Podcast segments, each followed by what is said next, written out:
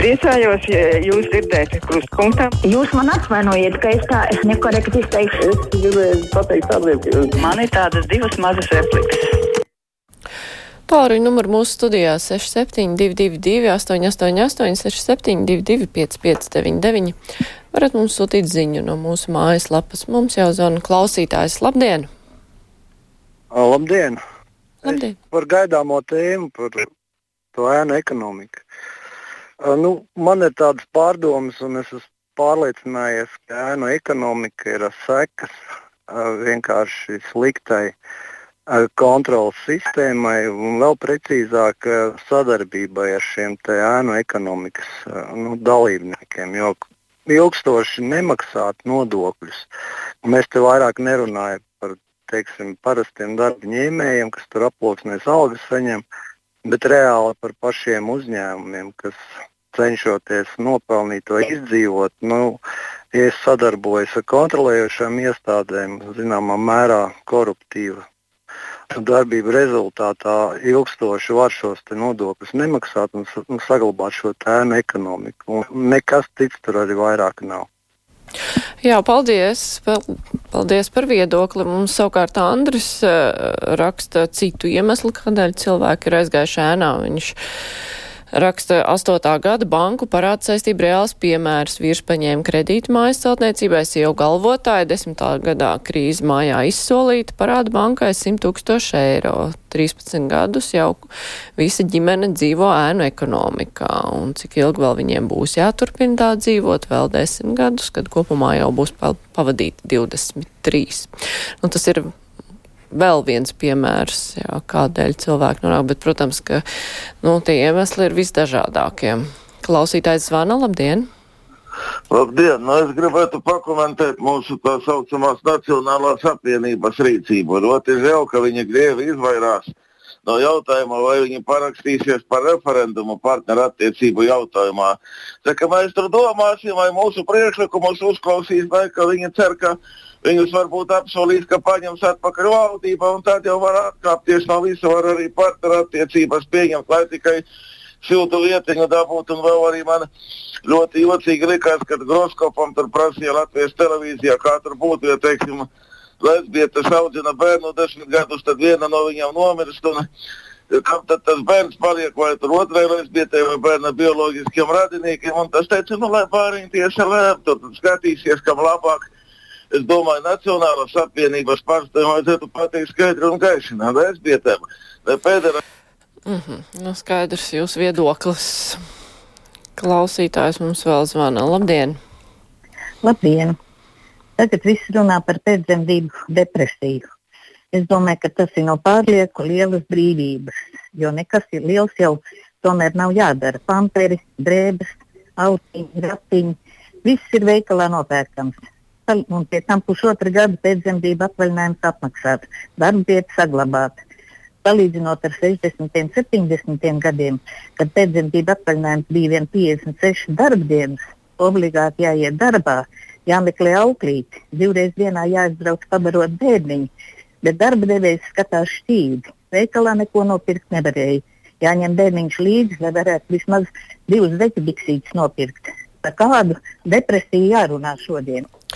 Jā, paldies! Es sapratu jūsu viedokli un nepiekritīšu jums ne, ne par gramu, ja tā var teikt. Es domāju, ka vajadzētu arī Latvijas rādio vairāk skaidrot šos jautājumus, jo, nu, tā, protams, no savas personīgās perspektīvas var, ir viegli vērtēt par to, ir vai nav kādam pēcdzemdību depresija, vai tā ir vai nav problēma, bet, jā, nu, ja pietrūks zināšana par kaut ko, tad uh, ir vēlams šīs zināšanas iegūt. Klausītājs zvana, labdien! Halo, Labdien! es sakarā Lāčplēšu dienu.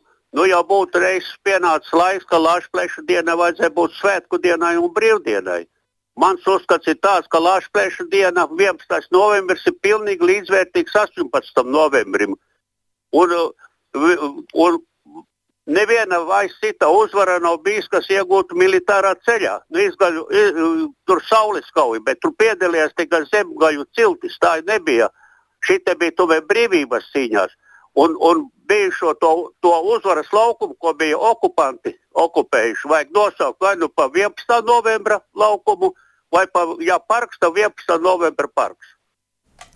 Paldies par viedokli. Jā, tā ir diskusija ne pirmo reizi par to, vai vajag brīvu dienu 11. novembrī.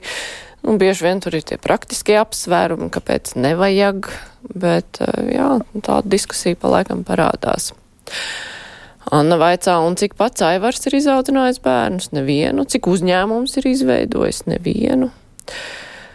Jā, savukārt uh, Juris eh, par pirmo zvanu, kas par argumentu, ko zvanītājs beigās izmeta, nekas cits tur vairāk nav. Tiešām tik grūti pamatot viedokli. Nu, tas viedoklis jau bija diezgan saprotams, bet tas ir jā, viens no viedokļiem. Santa raksta pirms runāt eh, par ēnu ekonomiku lūdzu informēt, cik vidi vairāk ir iekasējis nodokļos papildus. Mums tiešām ir maza ēnu ekonomika, valdībai jābūt racionālai tēriņos. Tas gan interesanti, maza ēnu ekonomika. Protams, dati ir dažādi, ir dažādi pētījumi, bet kā maza ēnu ekonomika, bet tā ir piektā daļa no ekonomikas, kas ir ēnā, bet tad tas ir daudz. Un tie ir tie optimistiskākie dati. Klausītājs zvana, labdien! Labdien! Nu, tā izklausās, ka tiek lēnām gatavot atkal plaša mēroga tautas apkrāpšanas akcija par tām bankām, ka ārzemju bankām liela peļņa ir, bet neviena Švedbanka, piemēram, vēl nav Latvijas tautu apkrāpusi, kā tādi pareksi un auseklīši, kas te bija saradušies. Paldies! Jā, paldies par viedokli. Edgars raksta, es dzīvoju Vācijā, tur arī saņem pensiju. Manas pārdomas par Latviju un tās pensijām ir tādas. Domāju, ka maza pensija iemesls ir cits. Nedomāju, ka Latvija nespētu tās maksāt tikpat liels kā Vācijā. Vārds sakot, mazas pensijas ir tāpēc, ka liels nedrīkst dot un nedrīkst liels dot, tāpēc, ka Latvija ir pirmajā ar alkoholismu un dzeršanu. Valsts nedod, lai tauta nenodzertos. Tādas ir manas domas. Pirmo reizi dzirdu, ka kāds tā uzskata. Es esmu vairāk dzirdējis viedokli, ka mums ir mazas pensijas, nu, argumentu, tāpēc, ka tas pārāk dārgi izmaksātu sociālam budžetam liels sloks, un mums nav tāda ekonomika, lai maksātu lielas pensijas. Protams, tur arī ir jautājums, vai tiešām nav iespējams tās palielināt, bet uh, to, ka valdība speciāli nedod, lai nenodzertos, tā ir ļoti interesanta interpretācija. Klausītājs zvana, labdien! Labdien! Man par tiem pieminekļiem Puškina iela. Vai tad tiešām neatradīsies vieta Puškinam, kur apsēsties tajā ielā, lai viņš sēž savā vietā, tajā ielā? Andrejs Upīts. Nu, ar tur nepaliks, bet viņš var ļoti smuki stāvēt pretī sava dzīvokļa logiem. Arī brīva vieta un atcerēties savu jaunību, kur viņš dzīvoja uz Elizabetes un brīvības ielas stūri gandrīz. Tad tādā vietā arī bija netālu Ļeņina piemineklis. Un tādā vietā vajag būt piemineklim dzīvībai. Tas ielu izvietojums ir un plānojums ir ļoti pārdomāts. Vienā galā ir piemineklis brīvībai, un otrā galā ir jābūt piemineklim dzīvībai. Paldies par uzmanību! Paldies par viedokli.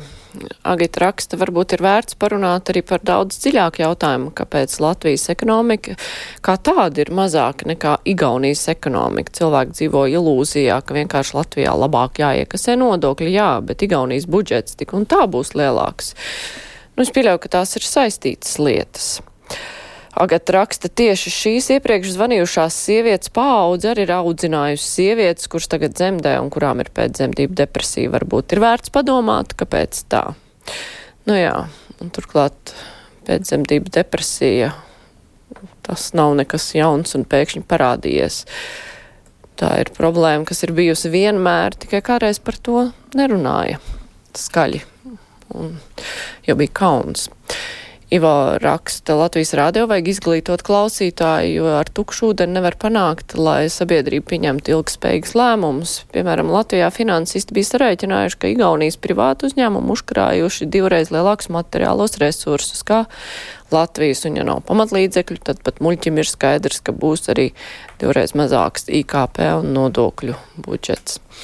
Gunta raksta atbildi kundzei. Pēcdzemdību depresija ir mentāla saslimšana un tam nav nekāda sakara ar seķu biksēm un pamperiem. Jā, paldies klausītāji, ka iesaistieties šajā. Un, jā, es vēlreiz atkārtošu, ka acīm redzot ir nepieciešams vairāk izglītot cilvēkus šajā jautājumā. Celšu klausulu. Labdien, esat ēterā. Sveicināti! Labdien. Es par ēnu ekonomiku. Nu, kas liedz mums iznest nodokļu grāmatiņu? Tā varētu būt tāda līdzīga kā uh, bankas karte. Un, uh, ejot poliklinikā vai kaut kur citur, kur mums jāsaņem pakalpojumi, mums šī karte ir jāuzrāda. Tas ir viss elementāri. Un ēna ekonomika būs spiesta pazust. Paldies! Paldies! Jā, paldies par viedokli. Nu, ēna ekonomika tur jau ir tas tā, tā viena problēma, ka ne jau ka nemaz nemaksā nodokļus, bet ka nodokļus maksā daļēji. Uz papīra minimālā alga, aploksnē viss pārējais. Jā, klausītāja Undīna raksta, lai Daugavpils Evers labāk parunā par Putina vērtībām, kā tas karā nogalina savu tautu. Pacaušu klausuli. Labdien, esat ēterā, sveicināti. Labdien! Labdien! Atkal tuvojas Latvijas diena. Un, vai, vai tas piekrītu tam runātājiem, kas saka, ka tiešām Latvijas diena jābūt brīvai dienai, lai bērni, skolēni nebūtu jāskrien uz skolu un, un, un kas saka, tīrītu, kas saka, varoņus, ja nebūtu viņi izcīnījuši, mēs tagad dzīvotu zem vācu zābaku. Otru lūdzu, lūdzu, pako valdību guļ uz ausīm. Es nevaru saprast, un daudz latviešu saka, vai jābūt brīvai dienā, tā tikai varoņa diena. Saprotiet, vai mēs tiešām komunisti pie varas visu laiku. Paldies par uzmanību! Jā, klausītāja Inga raksta kundzei, kas izteica komentāru par pēcdzemdību depresiju. Arī man bērns dzima padomju gados. Viņa rakstā ar visām no tām izrietošajām sadzīves problēmām, bet joprojām atminos dienu, kad palika mājās viena ar jaundzimušo meitiņu un raudājām abas. Es no tā, ka nezināju, ko un kā iesākt ar bērniņu, jo nebija jau kam prasīt padomu. Un savukārt cits klausītājs raksta, ka viņa mammai arī bija pēcdzemdību depresija palīdzības nebija. Pēc kāda laika viņa izvēlējās pati aiziet. Alisa raksta vienkārši jāsaprot, ka mūsdienu cilvēki ir savādāk nekā pirms 40, 50 gadiem. Arī, kad par veģetatīvo distoniju neviens neko nezināja. Es gan piemetināšu, ka nebija tāda nosaukuma varbūt, bet tās izpausmes jau nu gan cilvēkiem bija, bet vienkārši cilvēki kaunējās par to runāt, un kā arī par daudzām citām lietām, bet uh, skaidrs, ka tas ir ārkārtīgi smags temats, un Vistrakākais ir vienkārši atnākt un pateikt, ka jūs neko nesaprotat un ka kā jums nav kaunas likt justies, jo tas iedzen cilvēku zemē vēl trakāk. Labi, paldies klausītāji par piedalīšanos brīvajā mikrofonā. Paldies visiem, kuri sazvanīja mūsu, kuri zvanīja, bet kurus zvanus es nevarēju pacelt. Arī visiem, kur rakstīja. Tagad būs ziņas, pēc tam mēs runāsim par ēnu ekonomikas apkarošanu, kādēļ ar to īsti nesoka šo gadu laikā.